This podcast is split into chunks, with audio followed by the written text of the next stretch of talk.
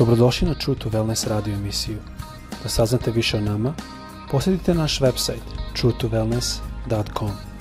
A sad, vaš domaćin, dr. Todorović.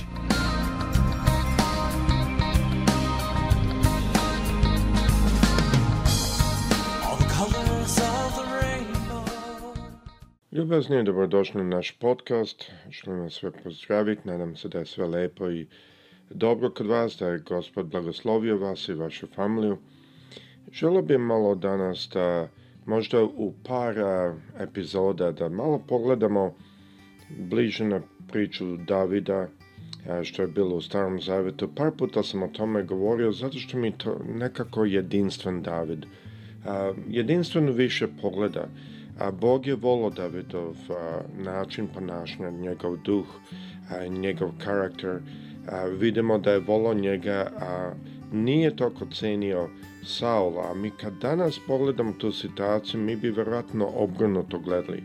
A, David bi bio neko koji nije možda da u crkvi bi videli njega kao jako duhovnog, dok bi Saul vratno bio više neko koji bi videli duhovnog, a, visok, politički dobro nekako se ponaša, kad je trebao da ubije onog kralja, on je više dono, e, onako više jedan e, negocijaciju napravio od ovoga sa njim i tako dalje. Dok David je više bio otvoren ono što je mislio i rekao. I na mnogo situacija na našem svetu mi nalazimo da ljudi baš to ne vole. E, ako ste vi možda taj tip, ja sam lično taj tip koji voli da kaže ono što misli i Mnogo puta to možda e, ljudi ne cene.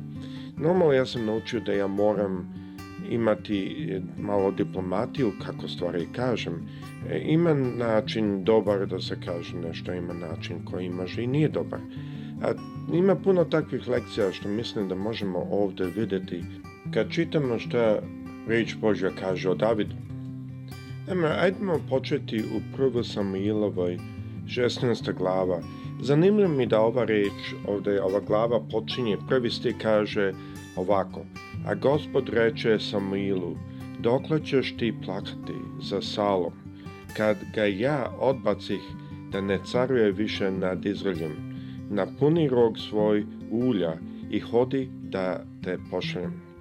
E sada ovde je zanimljivo šta je E, što nam ovo pokazuje, Samuilo je bio prorok, mi znamo da je e, po delima apostolskim e, glava 3. 24. stih, tamo kaže i svi proroci od Samuila, znači tu počinje ta, ta faza proroč, proroka raznih koji su bili i mi vidimo da je on bio čovek Boži, on je bio neko koji je razumao Boži duh i razumao kako Bog želi da radi, ali isto umo čuti od gospoda. Ovde možemo da vidimo da je Samuilo volao Saula i on je literalno plakao za tim što je Bog odlučio da odbije Saula, da ga odbaci, da ne caruje više nad njegovim narodom Izraelom. Dalje kada čitamo ovu reč, ovde mu je gospod rekao napuni rog svoj ulja i hodi da te pošljem k Jeseju Betlemejcu, jer između njegovih sinova izabrah sebi cara. Znači, ovde vidimo par stvari. Duh sveti, to jest duh gospodnji, je u to doba gledao okolo i tražio koga da stavi za cara. I izabrao je jedno od sinova a, Jaseja.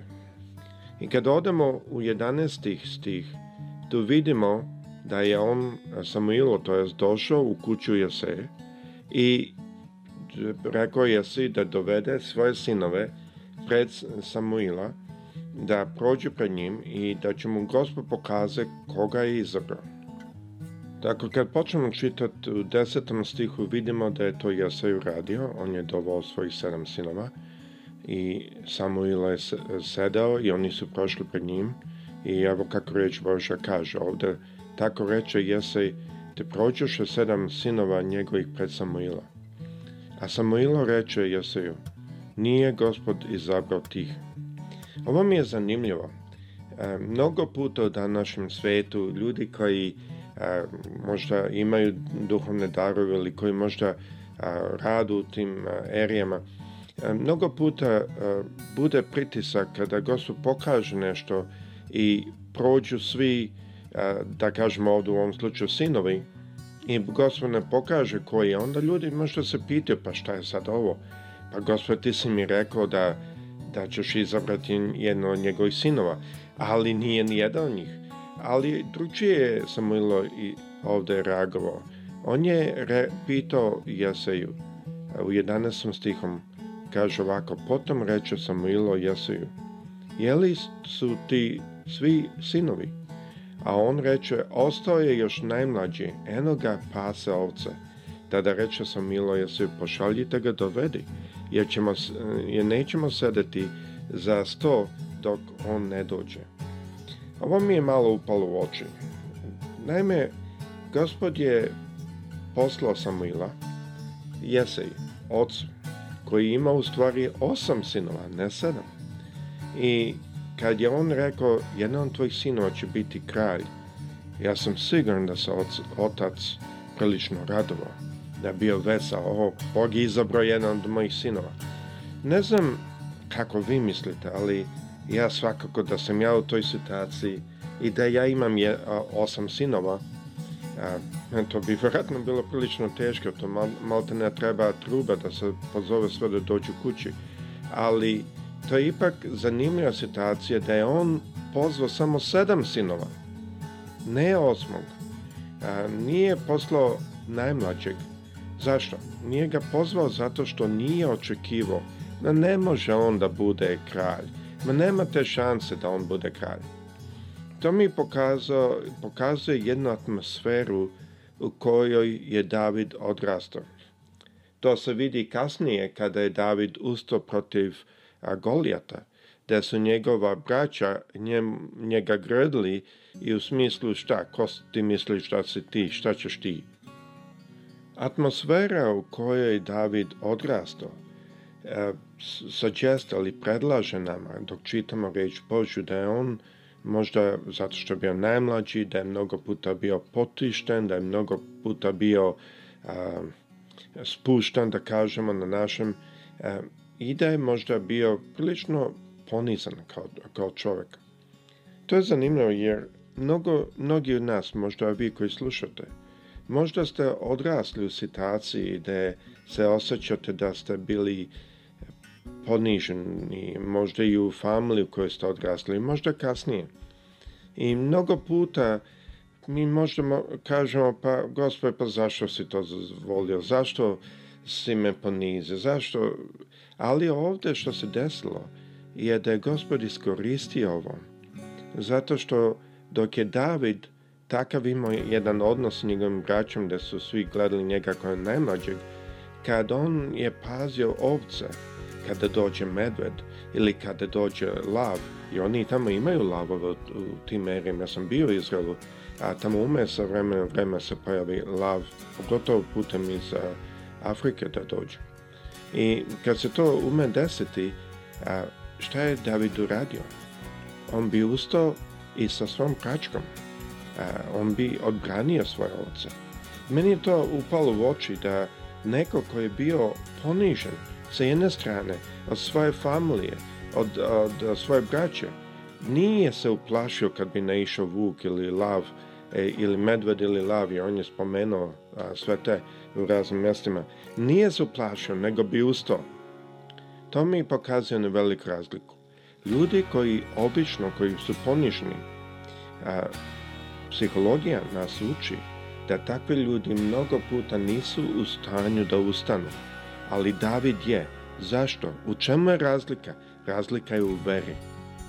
Razlika je u tome da je David verovao gospoda i znao je kome on služi. I ovo je jedan od razloga zašto je Bog izabrao Davida. 12. stih kaže ovako, i posla da ga dovede. I beše smeđ lepih očiju i lepog stasa. I gospod reče, ustani, pomaži ga, jer je to. Ovde vidite da je gospod izabrao Davida, da je izabrao i to je bilo jedno iznenađenje, iznenađenje Jesaje, zato što je Jesaja svakako očekivao da će to biti jedan drugi kraće, da će to biti jedan od drugih. Oni više izgledaju kao vođa, oni su, troje od njih su bili u armiji, oni su spremni da vode. Ovde vidimo još jednu stvar, to je da David možda nije izgledao kao vođa. Ne, kad da njegov rođeni eh, otac nije očekivao ali gospod ga je izabrao. Mi znamo koliko je gospod koristio Davida. Ovde vidimo jednu drugu stvar. Saul je izabran od Izraela, od naroda. Narod ga je izabrao, izgledao je pobožan. Držao se zakona, da kažemo, spoljašno. Ali Bog je njega odbio, s Davida koji svakako ga ni njegov otac nije izabrao, nije mislio da on može biti car ili kralj, a Boga ga je izabrao. Ali vidimo recimo kad je David trebao slušati reč Božu, on je poslušao. Ne da on nije grešio, on je više grešio Saula, ali njegovo srce bilo na mestu. To je jedna velika razlika. Mi vidimo da David se nije ponašao tako da krije ko je i šta je, kao što je Saul, nego je David se više ponašao kakav je. On je umao puno puta pogrešiti, ali njegovo srce je bilo na pravom mestu. Dok Saul je manje grešio, da kažemo po ljudskim, ali Boga je odbio. I moramo znati da mnogo puta ima ljudi koji dođu u crku, koji izgledaju bilo koju crkvu, ne mislim ni na jednu denominaciju, i koji možda izgledaju pobožno, i koji možda izgledaju duhovno, i koji možda izgledaju kao da su ljudi. Vidimo u toj situaciji da on je čekao sa Samuila sedam dana on je znao da je njemu zabranjeno da on pravi žrtvu, jer on nije bio uh, iz tog plemena, niti je bio svećenik, uh, dok Samuilo je, Samuilo je imao to pravo. Ali on, posle sedam dana, pošto Samuilo je uh, malo kasnio, on je odlučio da će on napraviti žrtvu. Zašto? Zato što je on teo da se narod ne uplaši. On je hteo da, da narod stoji tu. On je imao dobre namere ali on nije gledao na Boga, nego gledao politički eh, na, na narod. On je gledao da ovo su moji vojnici, oni sada beže, trebamo ići u rat, kako će ovo biti, daj da ja uradim. Znači, on nije mario toliko puno za duhovne stvari. On je više gledao, što je danas zovem u, u pogledu politički. Eh, on je više gledao kako će ovo da ima eh, efekat na njega, na njegovu situaciju, E, kako će to politički da, da se izrazi na njega i tako dalje. Radi vremena želo bi da ostane na ovom a, pointu i naredni put ćemo malo govoriti, gledati na Davida i posle na Davida i Jonatana i zašto je gospod istovolo Jonatan. Nadam se da vas ovo ohrabri. Bog vidi drugčije nego ljudi. Bog gleda na srca, dok ljudi gledaju na, na spoljašnost. Nadam se da ako čitate, dok čitate reč Božju, da vas to podigne, da Bog zna sve, Bog razume sve, On vidi naša srca, iako ljudi ne vide. Uzmite hrabrost u tome, uzmite jedno ohrabljenje i jednu utehu u tome i neka vas Gospod blagoslovi. Gospod sa svima vama. Prijatno.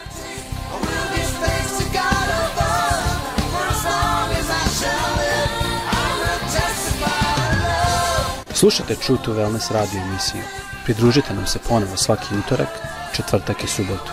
Za kontakt molimo posjetiti naš website truetowellness.com. Naša email adresa je info at truetowellness.com.